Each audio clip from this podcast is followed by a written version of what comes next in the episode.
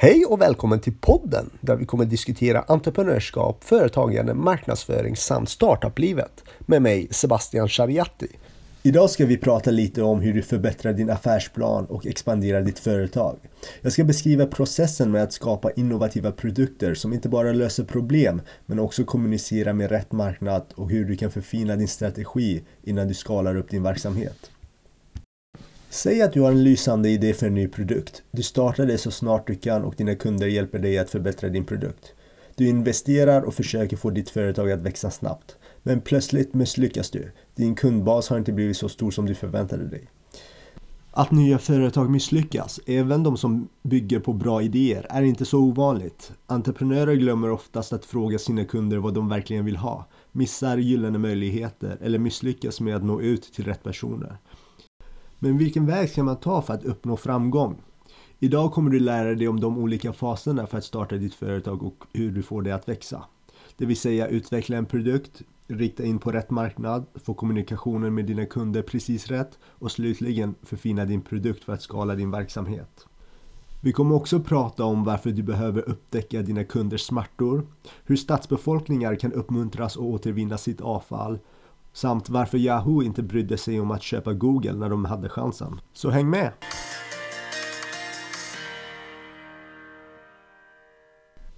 Blomstrande företag grundar sig inte enbart på pengar och bra idéer.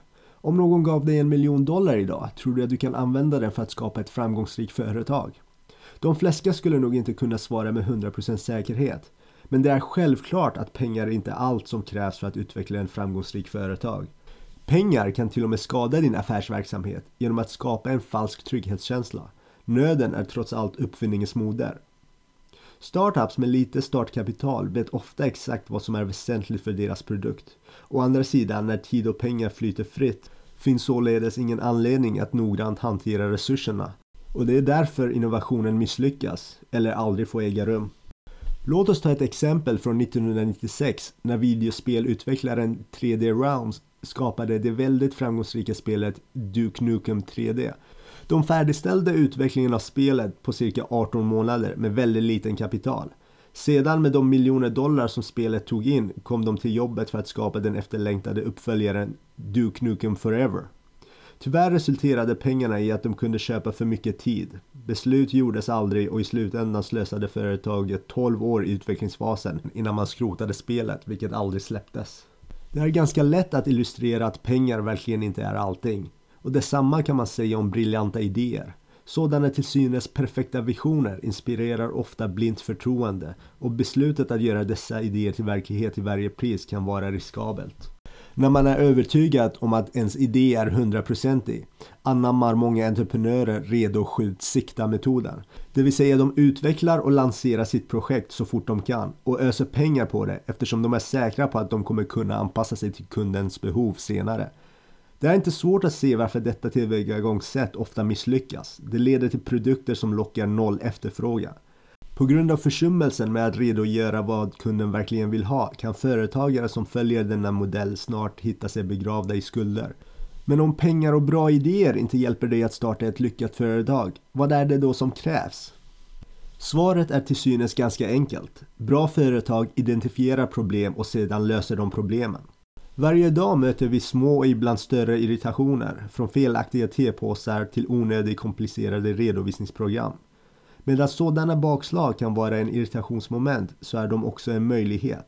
Var och en av dessa störningar har potentialen att bli ett språngbräda till ett blomstrande företag. Allt du behöver göra för att ta steget från irritationsmoment till lönsam företag är att förstå hur dessa problem påverkar potentiella kunder och adressera dem sedan med en snygg lösning.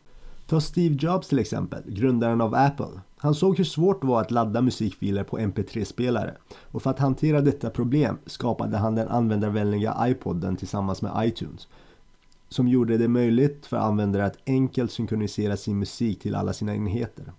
Eller det amerikanska mjukvaruföretaget Intuit som insåg att det var väldigt svårt för småföretagare att sitta igenom de 125 sidor som krävdes för att installera företagets standardbokföringsprogram. De flesta av dessa entreprenörer hade inte tid för IT-frågor. Efter att ha märkt det här problemet skapade de en redovisningsprogramvara som riktar sig till småföretagare. Komplett med en installationsprocess som är reducerad till bara tre sidor. Denna enkla justering ledde till en 20-procentig ökning av bolagets årliga omsättning. Så det är självklart att din produkt måste ta itu med den smärta som potentiella kunderna upplever. Och det är lika sant när du har att göra med individer som när du jobbar för staten.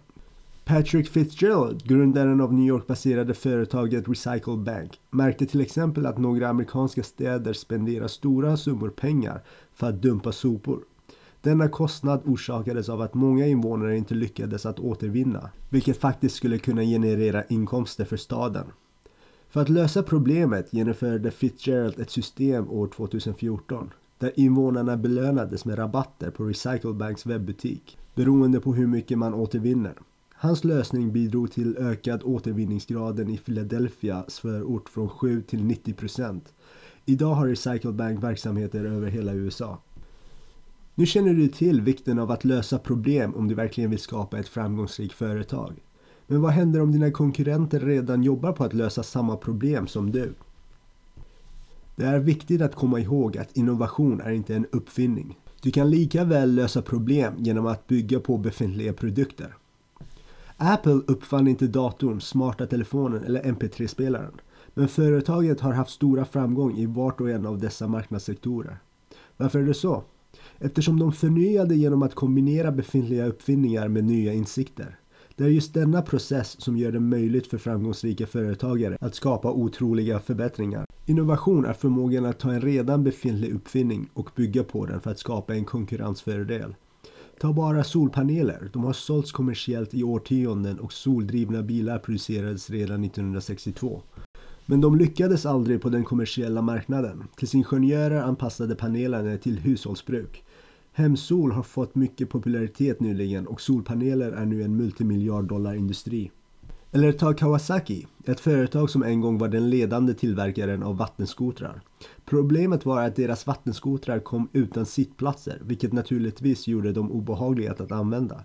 Så när konkurrenter som Sidu byggde vattenskotrar med sittplatser föredrog kunderna dem så mycket att Kawasaki inte kunde hålla sin position på marknaden och försvann. På detta sätt handlar innovation om att få insikt och du kan göra det genom att studera dina kunders vanor och preferenser tills du förstår deras behov fullt ut. Ett bra exempel är Sam Walton som grundade Walmart 1962. Han uppfann inte självbetjäningsshoppingen, men han såg dock den nya trenden som branschens framtid. Han förstod genast den enorma kostnadsminskningen som kunde uppnås genom att placera personalen endast vid kassan snarare än i hela butiken. Genom att noggrant observera och intervjua kunder i sina konkurrenters butiker kom han att förstå hur han kunde förbättra kundupplevelsen. Och han lyckades ganska tydligt. Varje aspekt av affären och kundens upplevelse övervakades noggrant under denna process. Allt från kundens reaktion när de kom in i affären till avståndet mellan kassorna och ytterdörren. Så se till att undersöka marknaden du arbetar med och anpassa din marknadsstrategi till ditt huvuddemografi. När man gör ett stort köp så tenderar folk att söka information från en eller flera källor oavsett om det är en betrodd vän eller kundrecensioner online. Oavsett vilken metod som fungerar för dig så måste du förstå hur du och slutligen dina kunder informerar sig om produkter. Det är nyckeln till förståelse av konsumenternas preferenser. För att driva ett framgångsrikt företag måste du förstå alla aspekter av marknaden du arbetar med, särskilt dina kunder. Till exempel hur får kunderna kännedom om din produkt och vad läser de om det? Frågor som dessa har en avgörande betydelse när du finjusterar din marknadsföringsstrategi. Ta bara Supermac, ett företag som tillverkar extraanordningar som endast är avsedda för användning till Macintosh-datorer. År 1989, när de var nära konkurs, satte två ventureföretag upp 8 miljoner dollar för att återuppliva företaget. Den nya vicepresidenten för marknadsföring, Steve Blank, fattade beslutet att ringa kunder för att få en djupare förståelse av deras beteende. Genom denna process upptäckte de att priset i motsats till företagets antagande inte var den viktigaste faktorn för sina kunder och inte att heller var produktens tekniska specifikationer. Istället baserade kunderna sina köpbeslut helt och hållet på tidningsrecensioner. När du har identifierat de faktorer som påverkar dina kunders köpbeslut, som till exempel dina kompisars rekommendationer, kan du anpassa din kommunikationsstrategi för att passa dem.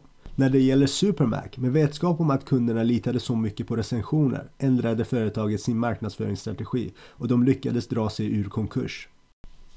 Som en del av denna kommunikationsstrategi så började de utforma sina egna branschindex för att mäta prestandan av hårdvara, som senare antogs som standarder för hela industrin. Som skapare av dessa standarder var Supermac plötsligt helt perfekt positionerat för att styra marknaden. Du måste se till att bygga en strategi som är baserad på dina kunder. Använd sedan den för att förfina din affärsmodell. För att lyckas bör din strategi grundas på en gedigen kunskap om vad dina kunder vill ha. Till exempel genomförde online-livsmedelsbutiken Webvan inte tillräckligt med marknadsundersökningar innan de lanserade. Som resulterade i att de överskattade stort i vilken grad kunderna skulle vilja köpa matvaror på internet. Och efter att ha tagit på sig massor av dyra investeringar som behövdes för att bygga infrastrukturen, lager och köpa en flotta med lastbilar upptäckte företaget att kunderna var bara 40% av vad de som hade förväntat sig. Företaget gick i konkurs 2001 och förlorade en miljard dollar. För att undvika att hamna i en liknande situation är det viktigt att följa dina kunders inköpsvanor och lära dig hur du kan tillgodose produkt och strategi efter deras behov. Så fort du har lyckats att omvandla denna kunskap till en strategi så kan du använda den för att finjustera din affärsmodell och duplicera den. Den här sista faktorn är särskilt extra viktig eftersom effektiva affärsmodeller måste upprepas regelbundet. I sina tidiga skeden kommer en affärsmodell alltid att genomgå stora förändringar, men detta bör snabbt ge plats åt en stadigare strategi som bara kräver mindre anpassningar för att lyckas. Till exempel till en början så började Apple producera ett kit för folk att montera sina egna datorer. Dessa dagar, även om de släpper ut nya produkter, kommer den största delen av intäkter från att göra små förbättringar av sina befintliga produkter och upprepa denna process allt eftersom hårdvarukapaciteten förbättras. Och slutligen, för att förfina din affärsmodell, leta upp möjligheter som gör det möjligt för dig att dominera din marknad. Ta över dina konkurrenter eller bedriva sammanslagningar. Det finns en läxa här att lära sig från Yahoo som en gång tackade nej till ett erbjudande att köpa det unga teknikföretaget Google. Yahoo var så upptagen att försöka spika ner marknaderna för online media, sport, finans som gjorde att företaget inte kunde se den otroligt lukrativa möjlighet som var rakt framför dem. Det är ingen hemlighet idag att Google dominerar marknaden för sökningar på internet. De köper regelbundet upp konkurrenter och ständigt förbättrar sina produkter för att bli förebilden för en lätt och upprepad affärsmodell. Expandera ditt företag genom att ta in externa talanger och bygg utifrån en beprövad affärsmodell. När ditt företag verkligen börjar ta fart så kan det vara ett helt annat bjässe än den du började med. Denna process är lika vanlig som när en larver omvandlas till en fjäril. Men det kan mycket väl kräva att du anlitar en extern chef som behöver fullständig kontroll och auktoritet för att skala ditt företag. Detta kan visa sig vara en känslig fråga eftersom många nystartade VDn har svårt tid att släppa kontrollen. Du måste påminna dig om att företagsledare har mycket mer erfarenhet av att hantera stora företag än en ny företagare som du. Ta och bara titta på Craigslist, en annonswebbplats som listar allt från möbler till jobb. Webbplatsens grundare, Craig Newmark, tänkte inte på sig själv som en tillräckligt erfaren chef för att hantera ett stort företag. Så år 2000 beordrade han Jim Buckmaster, en anställd i Virginia Tech och Craigslist för att hantera ledningen. Med Buckmaster som VD kunde Newmark fokusera på vad han gjorde bäst, kundservice. Sedan dess så har Buckmaster stannat kvar i sin position och Newmarks beslut har hjälpt Craigslist att bli den multimiljard det är idag.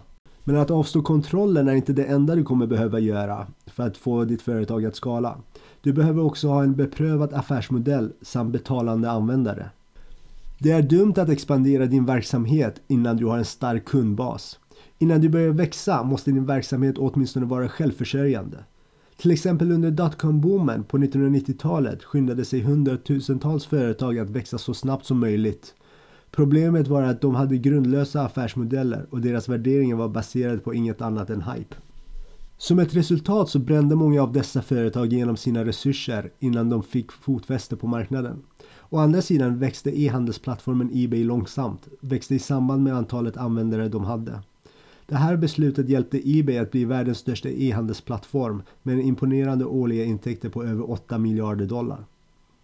Framgångsrika företag vet att kundernas behov borde styra deras produktutveckling och inte tvärtom. Så istället för att investera alla dina pengar in i det som verkar lysande, lär dig av dina kunder, studera marknaden och testa din affärsplan innan du expanderar. Ta reda på vad dina kunder vill genom att använda AB-testning.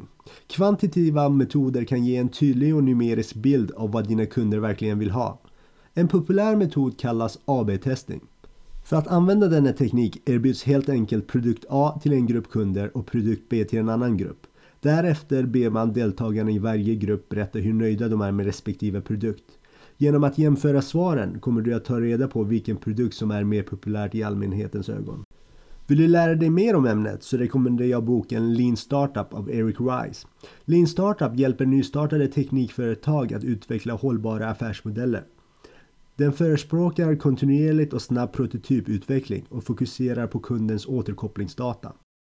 Hans metoder är baserade på principer från lean production och agile development och dess effektivitet backas upp av fallstudier från de senaste decennierna. Detta var allt för idag. Tack för att du lyssnade.